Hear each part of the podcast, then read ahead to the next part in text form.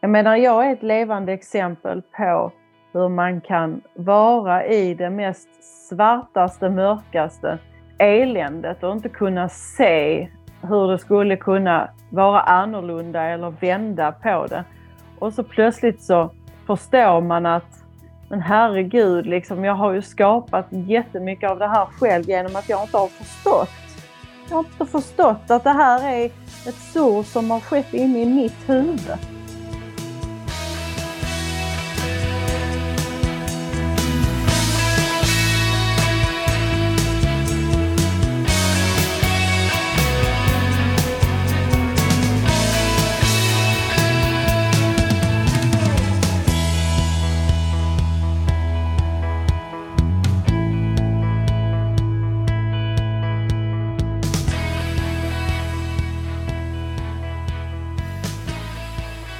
Jag vill påpeka att varken Cecilia eller jag är utbildade doktorer, psykologer eller psykiatriker. Så därav rekommenderar jag att om du har mediciner som du funderar på att sluta, att det sker i samråd med läkare. Du lyssnar på Human Change med mig Daniel Magnusson och idag har jag en gäst som jag fick äran till att lyssna på Eh, en fredag för ett tag sedan eh, på den skandinaviska 3P-träffen som eh, Dennis Westerberg och Thomas Lydahl anordnar. Och berättelsen som jag fick höra från dagens gäst skulle jag säga ger hopp för många som kan sitta i situationer och stunder av förtvivlan, och eh, kanske känna att det inte finns någon väg ut. Och eh, det är med stor ära jag eh, välkomnar dig Cecilia Hector. Välkommen! Tack! Tack! Och jag skickade ju en fråga ganska snabbt till dig där. Ja, vill du vara med i min mm. podd? Och du tackade ja, gud vad roligt! Och sen oj! Så, um, för det, det du berättade och din historia och din bakgrund och, och, den resan du har gjort är ju, som jag sa, väldigt hoppfull. Och någonting mm. som, som jag vill hjälpa dig sprida vidare, den, den historien i någon form. Och eh, jag tänker så här att eh, vad, vad, vad är din bakgrund? Vad, vad vill du förmedla idag? Ja, jag växte upp på landet i en familj med två syskon, äldre syskon, eh, eh mamma och pappa och, och eh, det var väl ingenting eh, som fattades så sett men eh, kände nog ganska tidigt att eh, när vi kom till skolan så, så kände jag att jag liksom inte klarade av kraven som var. Då eh, på något sätt så eh, började jag stänga av och eh, gick in i liksom min egen fantasibubbla. Mm. Och, eh, och då hörde jag ju inte på vad, vad de sa, lärarna, och, och jag kunde liksom inte fungera som jag skulle i skolan och kom efter och så. Och då blev det prat om att jag skulle gå om en klass och då, då började de här tankarna komma att eh, jag inte var som de andra och att eh, och var, varför är det så här? Varför, varför förstår inte jag och varför kan inte jag? Jag kunde liksom inte se riktigt då att jag gick in i den här fantasivärlden utan jag, jag kände bara att jag inte eh, kunde prestera som de andra och att jag började tvivla väldigt mycket på mig själv. Och, och då blev det ju väldigt mycket fokus på det hemma att att jag inte klarade proven och jag, och jag kunde inte eh, som de andra. Och, så det var ju lite vad jag hörde, att, eh, att det var liksom, jag levde helt enkelt inte upp till, eh, till förväntningarna. Och eh, det här var ju liksom ingenting jag upplevde av några kamrater, för jag hade ju kamrater och jag var inte på något sätt eh, mobbad eller utanför, utan det här kände ju jag från vuxenvärlden att jag levde inte upp till eh, det man skulle helt enkelt. Och Då hade jag ju min farfar som var eh, min stora stöttepelare. Han, eh, han och jag hade väldigt långa fina samtal och ehm, jag tyckte jättemycket om att prata med honom för att han lyfte alltid mig så, så mycket och hos honom så var man liksom alltid den, den, den, den bästa. Mm. Det var väldigt härligt att och liksom ha honom. Men sen var det ju det att när jag då eh, var 18 år och, och, gick på gymnasiet och, och eh, hade det ganska jobbigt med mig själv på många sätt. Jag strulade med maten och eh, ibland åt jag inte och ibland åt jag jättemycket och det blev mycket så när det var jobbigt. Och eh, då eh, så, så blev det så att han, han eh, fick en begynnande demenssjukdom och, och blev så deprimerad så att till slut så valde han att ta sitt liv. Och då försvann den, den tryggheten, eller den, den, den vuxna, vad ska man säga, som jag hade kunnat bolla allting med, mm. svårare livsfrågor och så.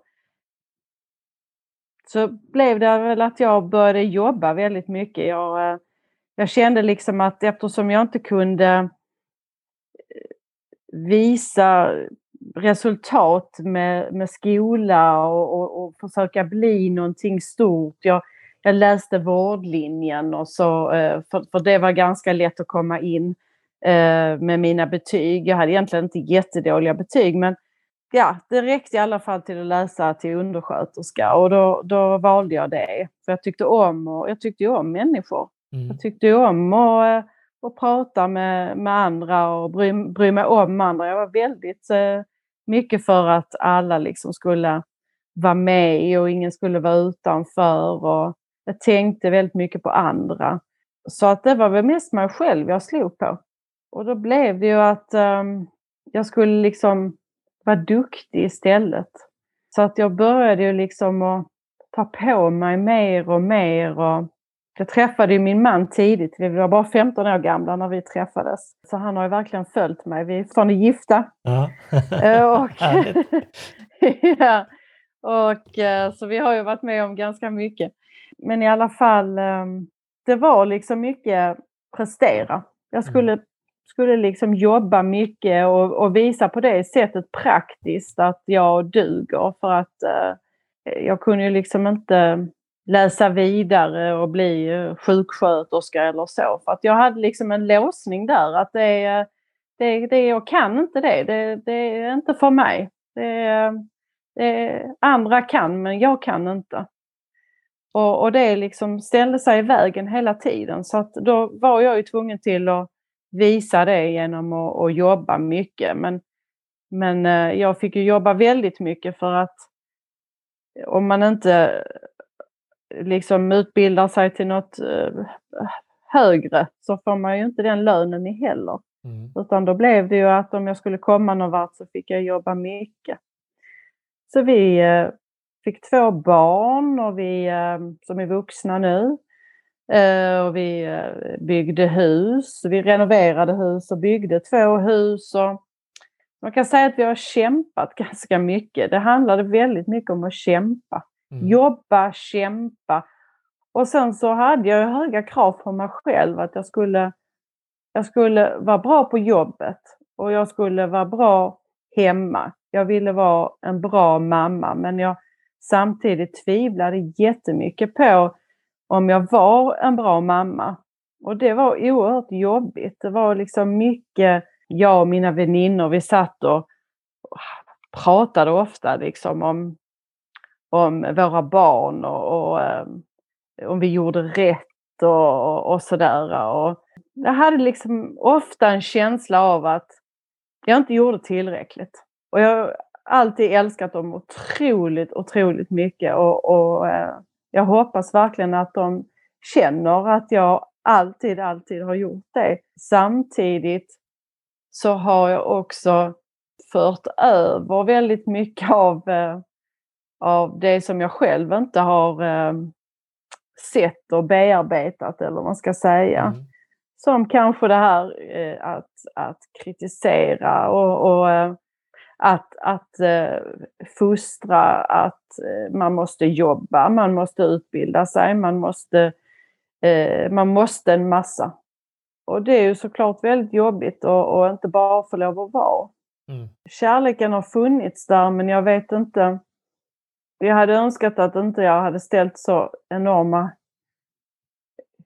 krav kanske på. Men man gör vad man gör med vad man ser. För mig så var det så man skulle göra. Det var liksom eh, på något vis, eh, det är bra att jobba mycket, det är bra att kämpa. Livet är att kämpa. Ja, jag tror att jag har fått över en hel del av det här att man inte eh, får vara som man är kanske alltid. Men samtidigt så, så eh, är de unga och eh, har livet framför sig och, och jag känner att de behöver inte göra någonting för mig på det sättet längre. Det har liksom, jag har förstått, mm. jag har sett det för mig själv att jag inte heller behöver att det var en, en, en liksom tankekonstellation att, att tvinga sig att, att eh, vara en massa som man inte är. Det blir ju lätt att vi i någon form för med oss det som vi på något sätt ja, men lär oss när vi är yngre. Och så tänker vi utifrån den erfarenhet och kunskap som vi har vid den åldern, var vi än hör, att ja, men det är så här det fungerar. Det är det här som mm. vi ska agera, det är så här vi ska tänka i någon form. Att man ska kämpa hårt och, eller eh, det är viktigt att, att peka på vad som kan bli bättre exempelvis. Och då tänker vi att ja, men det är mm. så det funkar. Eller så kan man mm. lära sig annat också, eh, beroende på vad man har, vad det är för miljö som formar en i någon form. Mm. Eller på något sätt i alla fall. Och, jag har väl känt att det, alltså hela tiden att det har hela tiden handlat om mig själv. Liksom att det, det, det som har gjort ont i mig har liksom, jag vänt inåt. Att mm. eh, eh det är svårt att säga vad det är eh, om det är mina tankar jag har hört.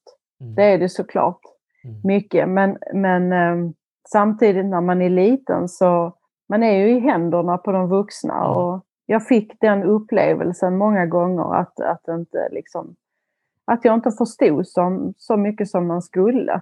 Och sen om jag har skapat den helt och hållet själv eller om, om, om det, det var mycket, mycket på det sättet, eh, de kraven. Det, det är jättesvårt att säga men eh, Ja, för, för all, allting är ju en, en... När vi tänker tillbaka, det räcker med att vi tänker tillbaka en timme, så är det ju en efterkonstruktion i oss själva. Mm. Mm. Eh, det betyder ju inte att det inte har hänt. Men, men mm. man, tittar jag tillbaka på min barndom så jag menar, det är vissa fragment som jag... Och så, så här, okej, okay, minns jag det där eller har vi pratat om det och jag har tittat på ett foto som gör att jag minns mm. det? Mm. Minns jag den händelsen specifikt. Nej, det behöver jag kanske inte göra, utan det är minnen som är liksom konstruerade med hjälp av foton och andras berättelser mm. också många gånger kan jag uppleva. Men det, det var väl framförallt där i, i andra klass när jag skulle gå om, om eh, och, och, och liksom byta kompisar och så, som, som det liksom jag upplever själv att det, att det startade den här äh, starkare känslan av att, att jag inte var som andra. Och sen, mm. sen, sen växte den sig starkare och samtidigt så var jag ju väldigt, jag älskar ju att sjunga och dansa och, och prata med människor och jag var ju väldigt kavat på många sätt mm. när jag slappnade av eh, från den här skolvärlden. Men eh, så fort det kom till eh, krav och prestera så, så blev jag ju, alltså då pratar jag liksom med papper skolmässigt, mm, mm. Så, så, eh, så eh, blev jag ju liksom, fastnade jag liksom. Och, eh, men på jobbet kunde jag ha, ha bra självförtroende och, och liksom känna att jag dög där. Mm det var ju hela tiden en, eh, ett behov av bekräftelse och, och liksom få lov att vara någon. Och det gjorde ju att jag hela tiden pressade mig. Jag pressade mig med att jobba mycket, jobba extra, eh, bygga hus och, och, och liksom vara en bra mamma och ordna och dona för barnen.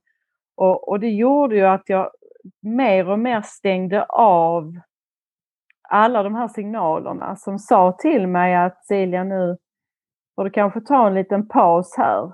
Och så blev det huvudvärk och jag lyssnade inte och så blev det ännu mera irritation. Eh, jag, jag blev övertrött, blev ledsen. Jag, jag, jag förstod inte signalerna. Fick jag min första depression redan när barnen var små 2001 och började då och, få de här antidepressiva läkemedlen. Och sen kom det ett antal depressioner i rad efter det. Och man, det blev liksom aldrig att man slut, stannade upp med de här medicinerna utan de fick vara kvar och så fick det läggas till fler. Och sen kom vi då till tonårsperioden med barnen som, som eh, för många kan vara oroligt och, och, och, och det var det här också. Vi hade en lång period där det var mycket med BUP och eh, jag vi låg inlagda ett tag och blev det till slut så jobbigt för mig så att jag fick en giftstruma. Blev deprimerad igen och då startade liksom en längre period av eh, sjukskrivning med, med mycket ont och, och så i kroppen och det flyttade liksom hela tiden runt.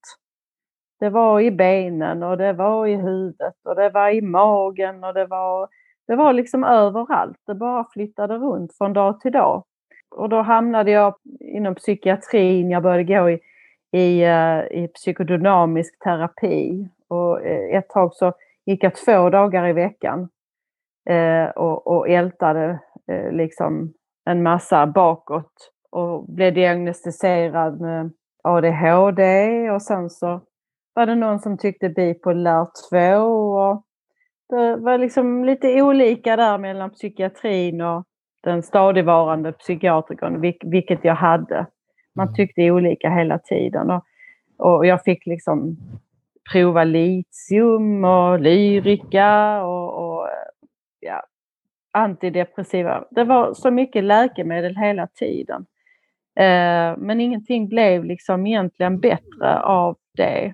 Utan eh, det gick upp och ner men, men det, det blev aldrig liksom helt bra. Och sen hade jag den här struman som inte gick att och liksom få ordning på, eh, på medicinerna. Och när började det här? När började det ska man säga, eskalera eller när började det? Och... Ja, det var ju då 2011 när mina ja. barn var i tonåren och, ja. och eh, det blev liksom för, för mycket helt enkelt. Mm. Då tröståt jag så det gick upp så mycket i vikt så att jag kunde knappt röra mig på grund av det. Så då fick jag göra en gastric bypass operation. Ja, det bestämde jag ju själv. Mm. Mm. Men eh, så det var liksom många grejer i kroppen hela tiden. Och, eh, och så fick jag diskbrock i nacken. Och eh, det gjorde ju att jag började äta starka morfintabletter och så för att få ner de här, jag hade nervsmärtor bak mm. i nacken. Och, eh, och sen började jag få bensmärtor, av, förmodligen av alla de här läkemedlen. Så det blev liksom en, eh, ja det var en enda röra med mm. sjukskrivning och jag försökte komma tillbaka och eh, jag jobbade på förlossningen där jag fortfarande jobbar nu men jag försökte komma tillbaka flera gånger men det, det fungerade liksom inte utan det, jag orkade inte med det. Jag hade liksom ont överallt och eh, det var nästan så att ju mer, ju mer jag gick i, i terapi desto värre blev det. Mm. Det var som att älta runt allting hela tiden. Eh, och jag ville ju så gärna få reda på varför jag mådde som jag gjorde i kroppen. Var, var, var det något fel? Så att jag, till slut trodde jag jag var allvarligt sjuk. Mm. Eftersom det gjorde så ont överallt. Tänkte vad är detta här? Det är någonting de har missat. Det här stämmer inte. Jag kan inte ha det så här. Det, det är, där är något som är fel. Och, och då började jag googla. Och så tog de en massa blodprover hit och dit och då fick jag ju för mig att uh, det är så. Jag är allvarligt sjuk. och då blev jag så rädd. Och så började jag isolera mig mer och mer för att jag märkte att människor blev trötta på mig. Jag kände ju det. Att jag liksom blev, jag gick in i detta här. Alla sjukdomar och mm. eländes elände och, och det, det orkar inte de höra. Så att jag, jag kände att jag ville inte belasta någon heller utan det var bättre att jag var själv. För att det, när jag var sjukskriven och så, det var det bättre att jag inte liksom belastar någon med det här. Jag fastnade nu väldigt mycket med telefonen och låg och googlade på olika saker. Kan det vara det? Kan det vara det? Mm. Kanske cancer då eller? Och så blev det liksom hela dagarna bara kretsade kring det. Och så blev jag då inlagd en sista gång på, på psyk i, i några månader och fick ECT-behandling för att jag blev så djupt deprimerad. Det var bara liksom det här eländet hela tiden som gjorde mig så fruktansvärt... Eh, jag ville helt enkelt inte... Jag orkade inte med livet längre. Jag, jag, jag vill liksom inte ha det. Jag, jag brydde mig inte om någonting längre. Jag, jag, jag kände att, att det blev, hade varit en befrielse för för allihopa om jag, om jag bara fick uh, slippa detta och de fick slippa det. Mm. Så, så att jag... Uh, och det var såklart inte så bra för barnen. Mm. Eller för min man att, att, att uh, gå i detta här och, och, och liksom oroa sig över att, um, att jag kanske inte skulle finnas. men jag hade inte alls någon tanke på att jag tänkte bara att det, var, det hade varit det bästa för alla. Det var mm. så jag tänkte. när var det här? Alltså de här tankarna hade jag ju för ett år sedan. Mm. För att jag, jag kom ju ut från det här uh, behandling, eller så här, från den här uh, inläggningen och så var jag hemma lite grann. Men sen så, så stod jag på alla de här tabletterna och till slut så överkonsumerade jag dem och, och så hjälpte inte det och då började jag dricka vin. Till slut så hade jag ingen kontroll. Och då var det en väninna till mig som, som ville att jag skulle träffa en tjej som höll på med en sorts behandling som heter Mind Recovery. Jag träffade henne och, och eh, jag behöver inte dra av själva behandlingen men, men i alla fall hon som person fick mig att, att liksom vakna upp lite. Mm. Även om det var väldigt, eh, det var väldigt mörkt för mig då. Eh, och det här var för ett och ett halvt år sedan. Kan jag säga. Eller lite mindre. Mm. Lite mindre än ett och ett halvt år. Så träffade jag henne ett par gånger. Och då så fick hon mig att ta tag i att inte liksom eh, gå djupare ner i mörkret utan att verkligen be om hjälp. Och hon, hon sa att hon kunde hjälpa mig och, och söka liksom efter någon, kanske någon, någon, man kunde gå på dagtid och, och få hjälp med de här tabletterna och, och, och, eh, och eh, det. Men eh, jag ville ju inte komma till mitt jobb. Jag hade varit sjukskriven i över två och ett halvt år. Jag ville inte komma till mitt jobb och, och be dem om någon hjälp. Utan jag, jag sökte faktiskt på kommunen.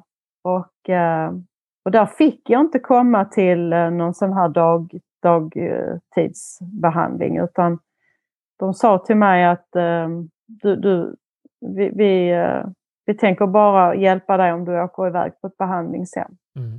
Och då blir det ett behandlingshem för psykiskt sjuka. Det här var ju för ett år sedan precis och jag ville ju verkligen inte åka iväg. Min dotter hade blivit gravid och skulle få barn. Jag bara kände att jag kan inte åka iväg. Vi hade två hundar också. Mm. Jag kan ju inte bara åka iväg, det går ju inte. Till slut så förstod jag ju att jag var tvungen att göra det.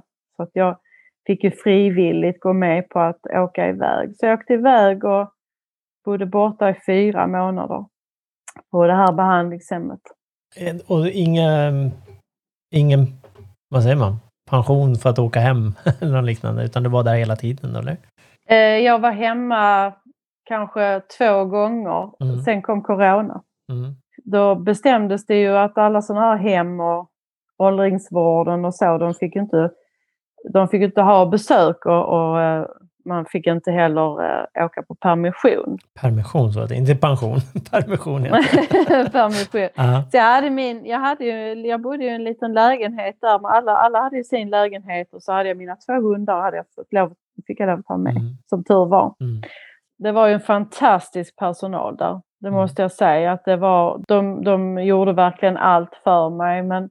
Vad, fick du, vad var det för någonting du fick göra där? Ja, det var ju det som var grejen att precis innan jag åkte så hade jag googlat och då hade jag ju eh, kommit över Thomas och Dennis föreläsning som de hade på Youtube från den här psykiatriveckan eh, som de har i Skåne varje år. Och då har jag sett den och, och jag liksom, jag, det var någonting som jag hörde där som fick mig att liksom intressera mig mer. Så att jag tog faktiskt kontakt med Dennis. Men jag kände att eh, ja, det här går inte och, och, och, det kostade rätt mycket pengar och jag kände att det här går inte. Jag hade provat så många saker och varit sjukskriven så länge så nej, det gick inte hem utan det, det, det blev att jag, jag fick eh, lägga det åt sidan och åka iväg. Mm. Så du hade lyssnat och sett den här föreläsningen och så hade du lyssnat på en del mm. podcastavsnitt av dem också antar jag? Och, och sen åkte du iväg till behandlingshemmet? Mm. Ändå då. Och när jag var där då så var jag ju mycket, jag var ju mycket ensam i min lägenhet. Mm. Man, man hade ju ett schema med, och de satte ju in mig på KBT, mm. jag hade DBT. Och vad är DBT då?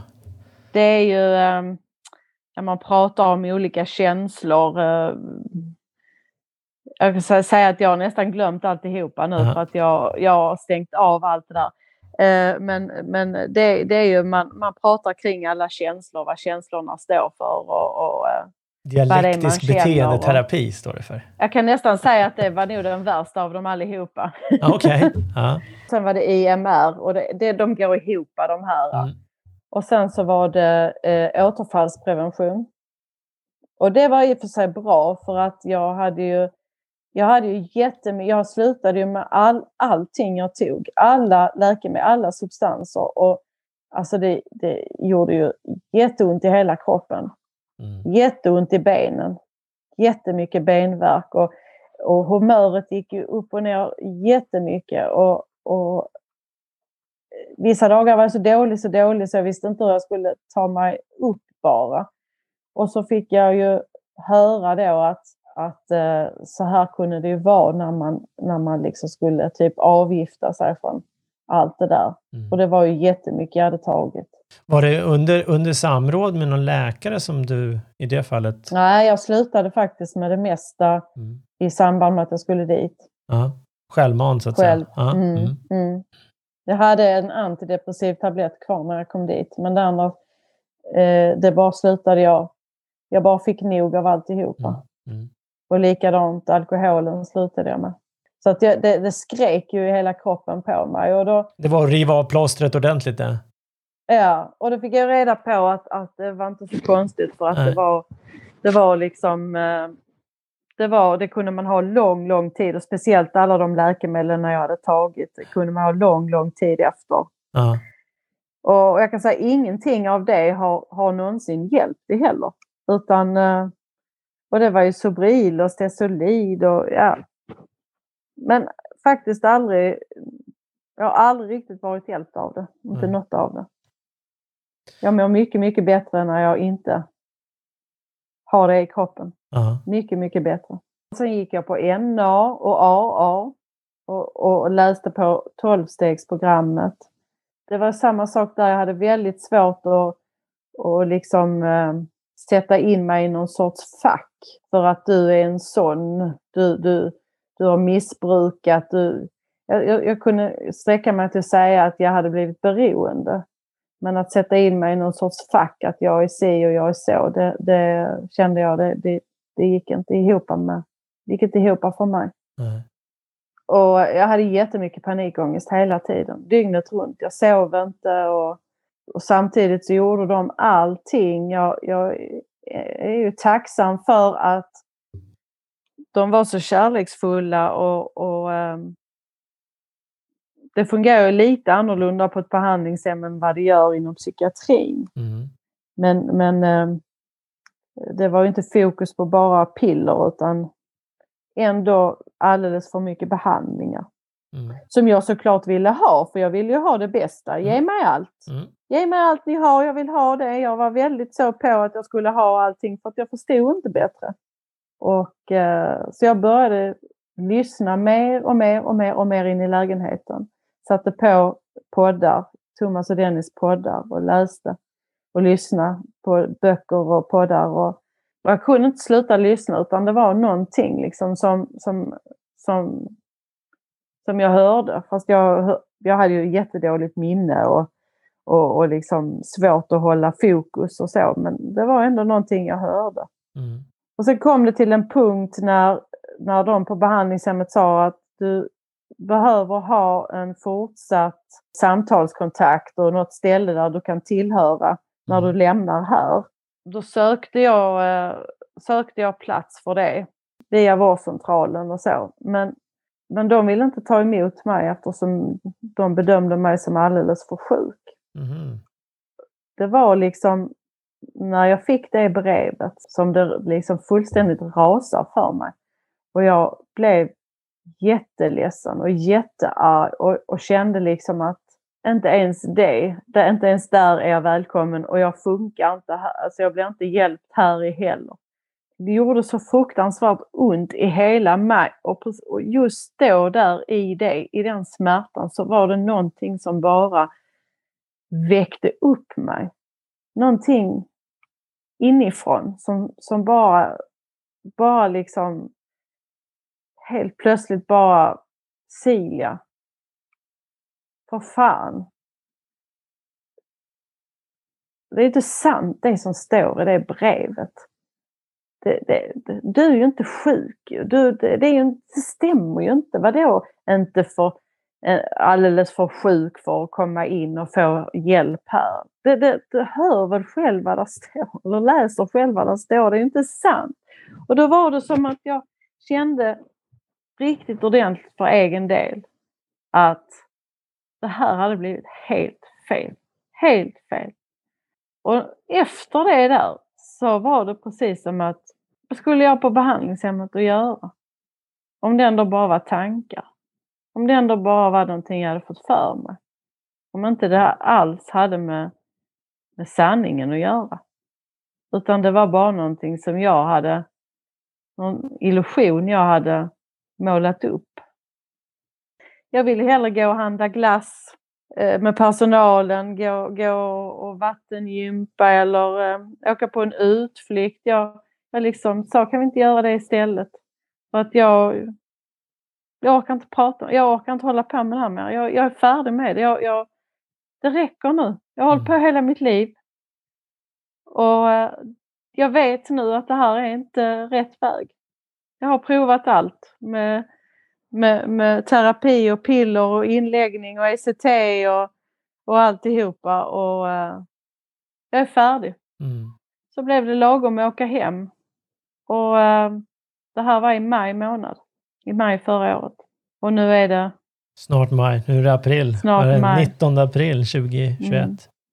Mm. Och äh, när jag kom hem så, ja de var ju så här, ska, men ska du inte gå och prata med någon? Du måste ju ha någon som du, du bara blir utskriven för behandlingshemmet och inte prata med någon. Nej, så jag ska inte prata med någon. Jag började ju och, och äh, lyssna mer och mer på de tre principerna med med, med, jag lyssnade ju jättemycket. Mm. Och sen så kände jag att nej, det här är någonting. Jag, jag tror att det är, som, det är som de säger. Att vi lever i en illusion. Och vi tror för mycket på vad vi tänker. Jag behöver, jag ska gå den här coachutbildningen och jag ska, jag ska, jag ska, jag ska ta den bästa Eh, av deras kurser eller mm. det bästa de har att erbjuda. Och så ska jag göra det. Eh, så jag anmälde mig till, eh, till coachutbildningen och, och åkte dit i september. Mm. Och Thomas och Dennis coachutbildning? Precis. Diplomerad 3P-coach, eller vad heter den? Mm. Mm. mm. Och, det, och jag grät hela tiden när jag var där. Oj vad jag grät och jag hade huvudvärk och jag, och jag Det var magen, eh, liksom eh, ont i magen och det var jätte, jätte mycket för mig och kolliderade hela kroppen samtidigt som jag hörde någonting som... Sen har jag lyssnat och lyssnat och varit mycket ute i naturen eh, med mina hundar och jag har träffat mitt barnbarn mycket. Så sakteliga så har det liksom, har jag känt att jag har sett mer och mer och kunnat vara mer närvarande i stunden och kunnat se hur liksom mina tankar har skapat en massa saker som bara sker inne i mig. Mm. Som eh, inte har någonting med hur det är att göra utan det är min tankekonstruktion. Så idag så jag började så sakteliga gå tillbaka och, och prova jobba och det var jag som, som bestämde det. Mm att jag ville prova jobba. Så jag började jobba 25 procent eh, när jag hade varit på första mötet eh, på den här coachutbildningen. Och eh, nu jobbar jag 50 procent mm. eh, på förlossningen. Och sen så eh, äter inga mediciner, jag dricker ingenting. Hur mår du nu? Det blir bara bättre och bättre faktiskt. Jag har dagar när det kan vara väldiga motstånd och då vet jag att jag bara ska acceptera att det är där. För jag har sett att de här motstånden, de har varit där och de har varit väldigt, väldigt starka. Men de har hela tiden gått över. Mm. När jag bara låtit bli och, och eh, hantera det. Så har det liksom bara blivit bättre och bättre hela tiden. Så jag vet att jag, jag har tilltro till livet. Att jag behöver inte gå in och, och lägga mig i och göra en massa. Utan att, och jag börjar lyssna, jag har lyssnat mycket, mycket mera på att, att när det känns oroligt eller så, så, så eller börjar få huvudvärk eller så, ja då är det, då, då är jag uppe i mitt tänkande. Och det enda jag behöver veta om då att ja just det ja, nu, nu, nu var det lite egot som uh, la sig i här och, och började dra igång någonting. Verkligen, för där någonstans så vill vi veta vad vi har för kvalitet på tankarna så vi bara känna efter vad mm. vi har för mm. känsla i kroppen. Och det, det kan ju låta lite provocerande för många. Och jag, jag själv där till när jag väl hörde det i början. Som du säger, vissa dagar är det lite mer motgång än andra, men jag bara, ja, vi är människor. Det, är van, det, mm. det tillhör livet i någon form. Mm. Att uppleva allting, det är väl det som jag blivit väldigt tydlig för mig själv. Liksom. Allt vi är med om är till för att upplevas, precis som vi ska uppleva en films alla upp och nedgångar, känslor hit och dit. Jag lyssnade på någon podd här för någon vecka sedan. Och sa så här, men kroppen är ju skapt så fantastiskt fysiskt, liksom, med allt den kan göra. Och varför skulle inte sinnet vara det? Mm. Varför skulle den, där lämnas vi och ska ta hand om allting själva. när, kropp, när kroppen i sig inte behöver ta hand om allt, eller klarar av att ta hand om det som händer kroppen i någon form. Sen är det ju självklart, vi får en pinne rakt genom magen, men det är klart att mm. men, men själva läkningen, när det väl ska läkas, så är det ju inte vi som gör det, utan det är ju kroppen i sig som gör det. Och likadant om det med psyket och vårt sinne så, så är det också självreglerande. Och, mm. Och just det, en annan poäng med det de sa i den avsnittet, vilket jag tyckte var bra. Varför får vi en, en, ett liv och en kropp och ett sinne med alla de här känslorna om inte de är till för att upplevas i någon form? Mm. De är en del av livet. Sen är det inte alltid roligt att känna vissa känslor, men, men det tillhör och det finns ju en funktion i det också. Mm. I någon form. Känna saknad eller känna sig ledsen eller känna sig glad eller känna sig försiktig eller stress eller liknande också. Men det är ju så fort när du känner någonting som inte är bra, ja då går man in och googlar och kollar vad ska jag göra åt det. Det är liksom mm. alltid en åtgärdsprogram eh, för mm. allting du känner.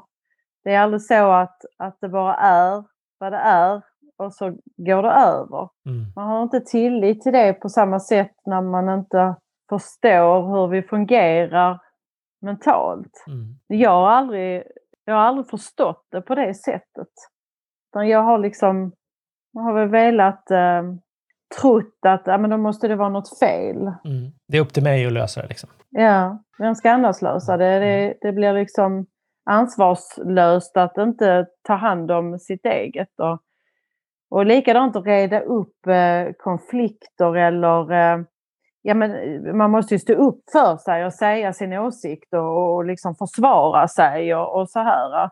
Och det, men det är rätt skönt faktiskt att och, uh, kunna förstå när hissen är nere hos någon annan att jag behöver kanske inte gå in här och, och agera just nu utan mm. om jag låter det vara lite så kanske det faller på sin... Det lägger sig igen liksom. Det är därför det är oftast man, man har svårt att komma ihåg varför börjar vi bråka. Mm. om man börjar ja, bråka precis. om någonting och sen så, ah, så lite senare så här, ja, sen det där vi, um, vi tjafsade om, um, hur börjar det egentligen? Alltså, man, mm. På något sätt, för man ser inte klart i den stunden när man Nej. blir upprörd. Och där, det självreglerar sig där också. Och, och någonting som är väldigt tydligt tycker jag, det är med barn. Mm.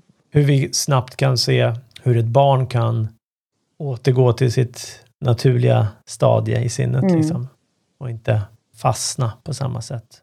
Och där kan man säga att mitt barnbarn har faktiskt lärt mig väldigt mycket just för att jag har fått se just det vi har pratat om när man har fördjupat sig i de tre principerna så har jag tittat på mitt barnbarn och, och liksom upplevt det här att ja men det är så det är. Nu är mm. hon hungrig, nu är hon trött och tappar hon humöret. Hon tappar man det så tydligt mm. att, eh, att hon är i, i stunden. Mm. Och att hon lägger bort alla värderingar och analyserande och, eh, och bara är. Mm. Och så skönt det är att inte ha det över sig hela tiden. Så för mig så har det ju blivit eh, så mycket lugnare. Mm. Att inte behöva hantera så himla mycket hela tiden. Sen såklart faller jag ju in i, i, eh, i, i stunder av eh, en massa motstånd, som jag kallar det. Psykologiska. jag har ändå tillit till, tilltro till livet, att jag är buren. Och det har jag sett. Jag har ju, annars hade jag inte kunnat må så här nu, efter så här kort tid om inte det hade varit så här. Och jag har ju verkligen, verkligen provat eh, alla metoder nästan som finns på mm. marknaden. Och, och, och eh, substanser och saker och, eh, och allt vad det är. Men ja, jag kan ju säga att jag vet att inte det finns någon hjälp i det. Det är inte där välmåendet sitter, eller du kan hämta det. Utan du mm. har det, du är det. Du är det när du lägger allt, allt surret åt sidan och får lite ro. Och förlitar dig på dig själv och inte... Jag frågade ju alltid, hela tiden. Hur ska jag göra här? Hur ska jag göra med detta? Vad tycker du? Om man går vilse. Det är superlätt att göra det, för jag menar, vi, precis som man går vilse som barn som lyssnar på, på de äldre, som vi då mm. såklart tror att det är de som vet allting, så vi Liksom, precis som man då lyssnar på andra som vi tror vet mer än vad vi gör. Mm. För att de har en viss utbildning eller titel eller liknande.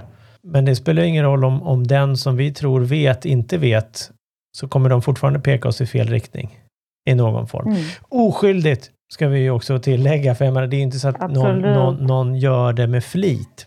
Så det är klart att det sker oskyldigt, för de tror att det här är rätt metod eller liknande? Jag känner, jag ska bara säga att jag känner liksom ingen, ingen uh, bitterhet eller, eller så mot, mot, mot någon egentligen för att jag, som du säger så är ju, alltså det är ju oskyldigt och, och jag menar det som, det som jag måste förlåta mig själv för är ju också oskyldigt. Mm. Så att jag, eh, jag känner inte så att jag, jag eh, måste göra upp med, med, med, med någon eller något längre utan vi gör ju alla så gott vi kan utifrån vad vi ser. Och det är ju så tydligt det här med när sinnet blir fullt med, med orostankar att det faktiskt man, det blir, det blir förorenat.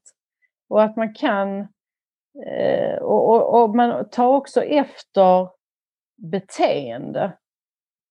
Och det är väl det som jag känner just med, med eh, beteende, att det är väl där som det egentligen är, är det viktigaste att eh, när man ändrar sitt beteende och börjar se mer så, så eh, blir det också, eh, man är bättre mot andra och sig själv.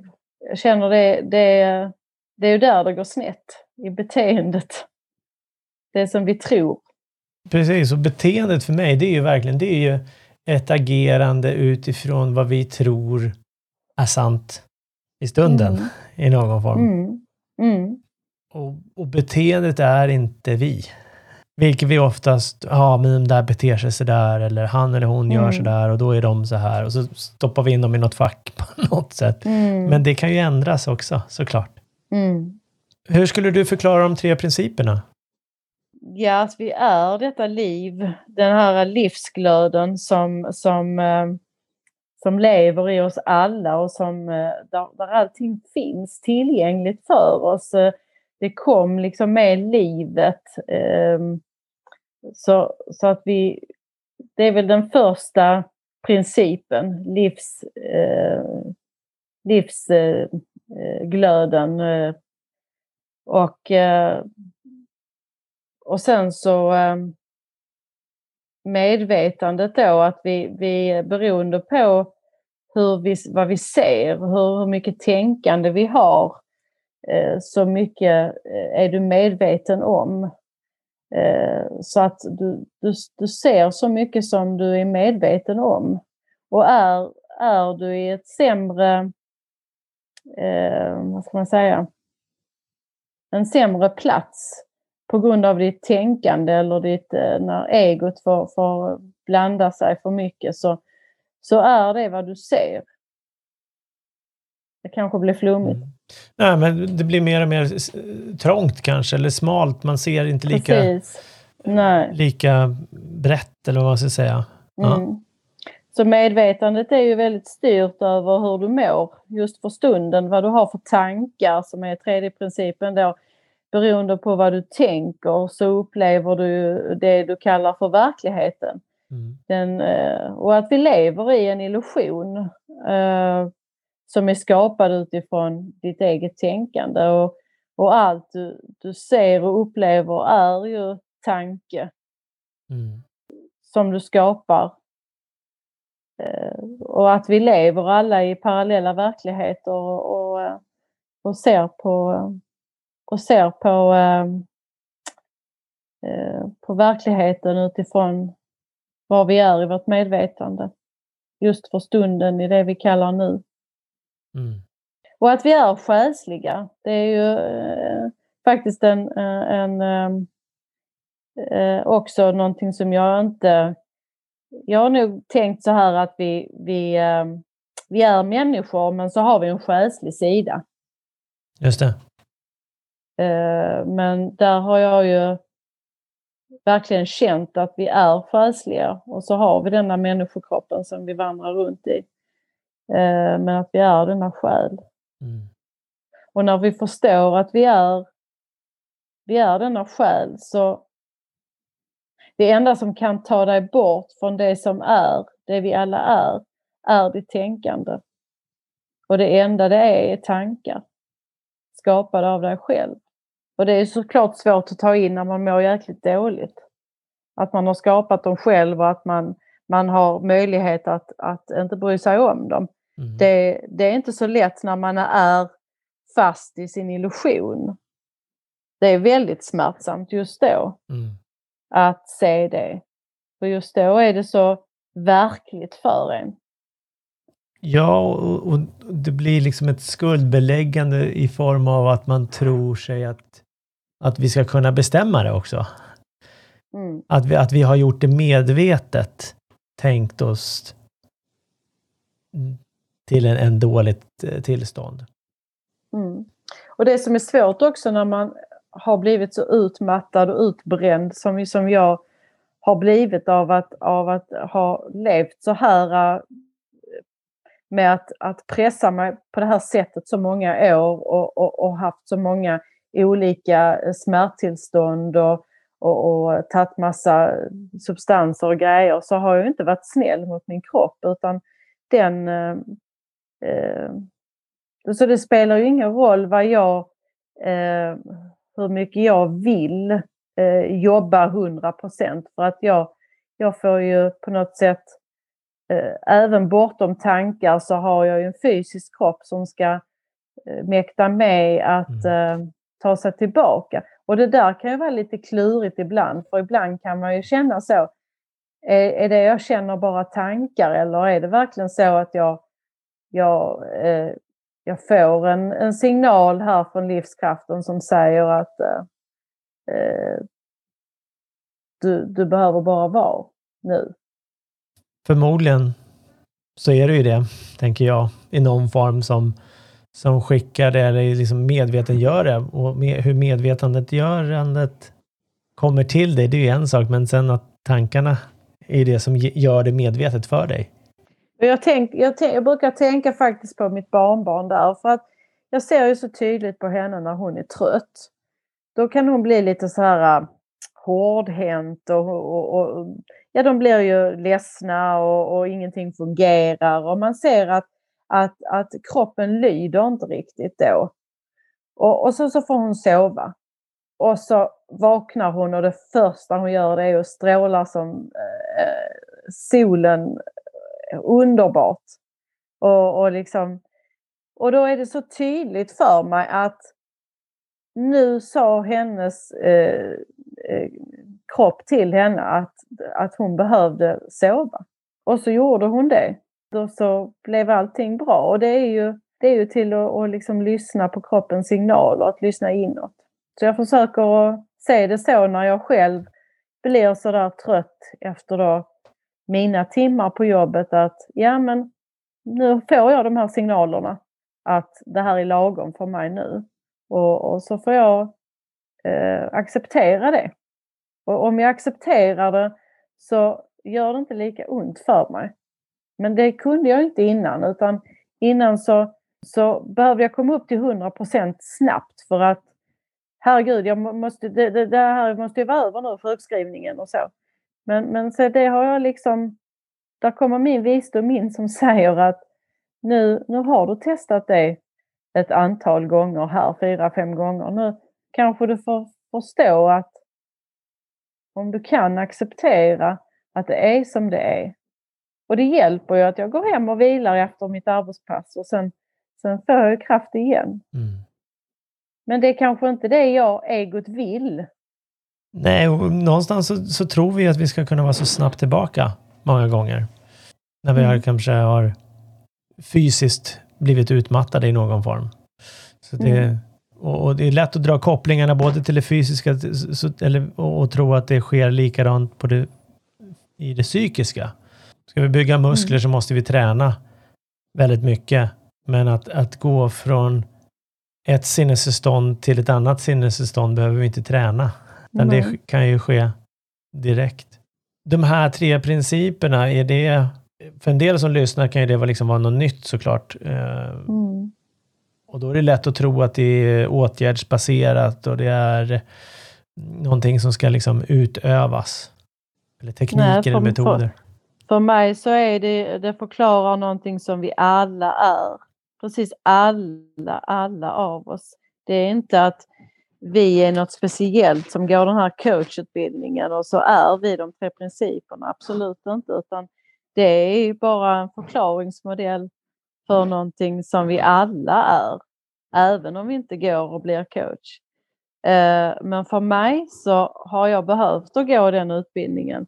Eller jag, den, den kom i min väg och mm. jag tog erbjudandet för att jag behövde på något sätt bli mer medveten om. Vissa människor har ju detta i sig och eh, behöver inte alls eh, eh, lära sig det utan de har det på något sätt, det har legat för dem ända sedan de var små, att det bara mm. är på det här sättet. Men jag visste inte det.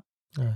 Eller för mig har det inte varit självklart, även om vissa saker förstår jag naturligtvis. Men, men, men eh, jag har liksom varit antingen i dåtid eller i nutid.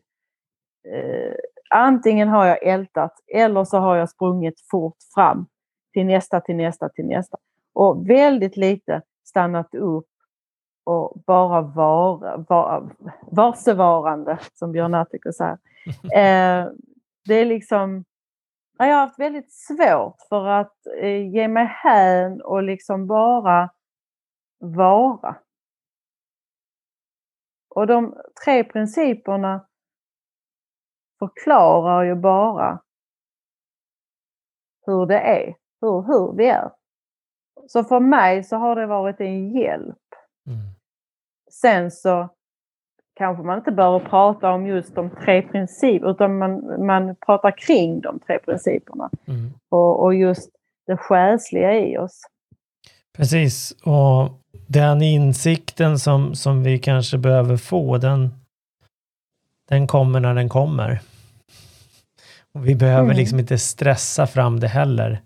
Uh, för jag, jag upplevde själv när jag kom i kontakt med det här 2019-2020 där.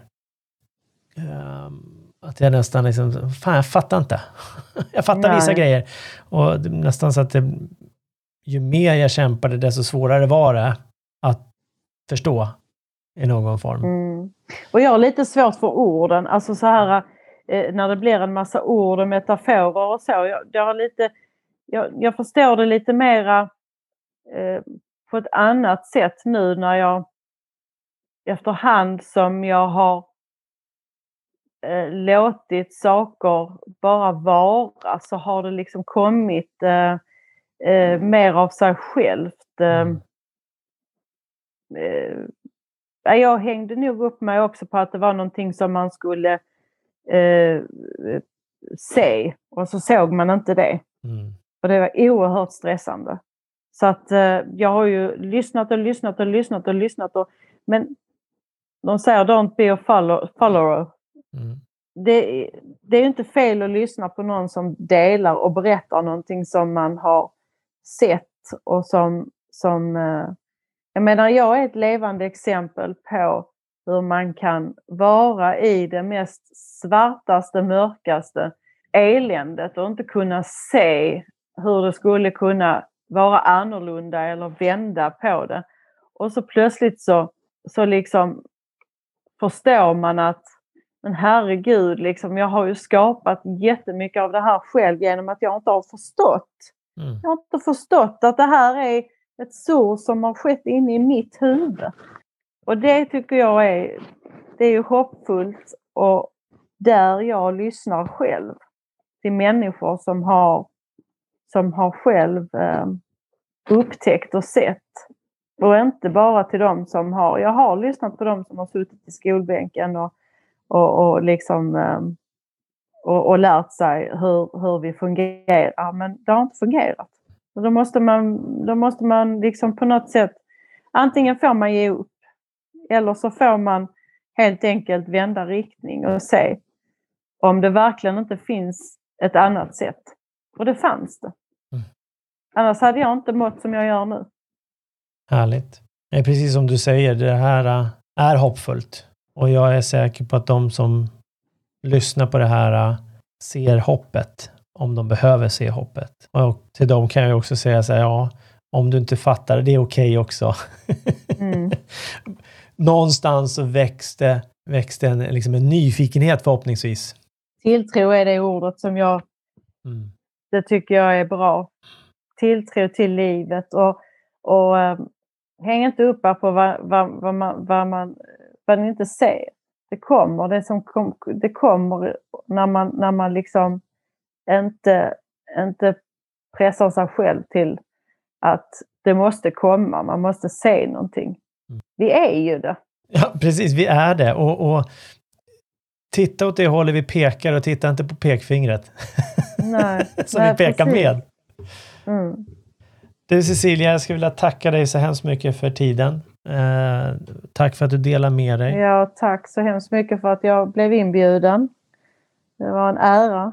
Ja, det är härligt att ha dig här. Underbart. Och jag, jag, um, jag sänder kärlek till alla som lyssnar och hoppas att jag kunnat förmedla någon sorts uh, positiv uh, hopp. Det går att vända mörkret. Mm. Och, och, och, och, acceptera att vissa dagar faktiskt är, man har stunder av mörker och det är så livet är. Och det är helt okej. Okay. Mm. För det är så det är. Så det får vara okej. Okay. Om man vill komma i kontakt med dig, vad, vad är bästa sättet då? Eh, ja, eh, meningen är väl att jag ska eh, på något sätt kunna eh, hjälpa eh, hjälpa dem som eh, känner att de skulle kunna bli hjälpta av mig. Men då är det väl bara att ta kontakt med mig på min mailadress kanske. Ja, ja det är väl cecilia-hector.hotmail.com. Yes, ja, det är det. Och, och, det kommer finnas med i beskrivningen på det här avsnittet också, tänker jag. Gör det enkelt. Ja, ja. Ja, men det är såklart eh, välkommet, absolut. Jag eh, såklart eh, pratar gärna med, med dig som känner att du skulle vilja och hade varit hjälpt. Mm. Bra. Tack. Tack själv, tack. Tack snälla för att du har lyssnat på den här podcasten. Skulle det vara så att du vill sätta ett betyg för att du lyssnar på iTunes är du mer än välkommen såklart att gå in och göra det. Sätt det betyg du tycker att den här podcasten förtjänar. Skriv gärna en kommentar. Är det så att du vill komma i kontakt med mig så kan du alltid gå in på humanchange.se eller skicka mig ett mail på daniel.humanchange.se. Ha det fantastiskt!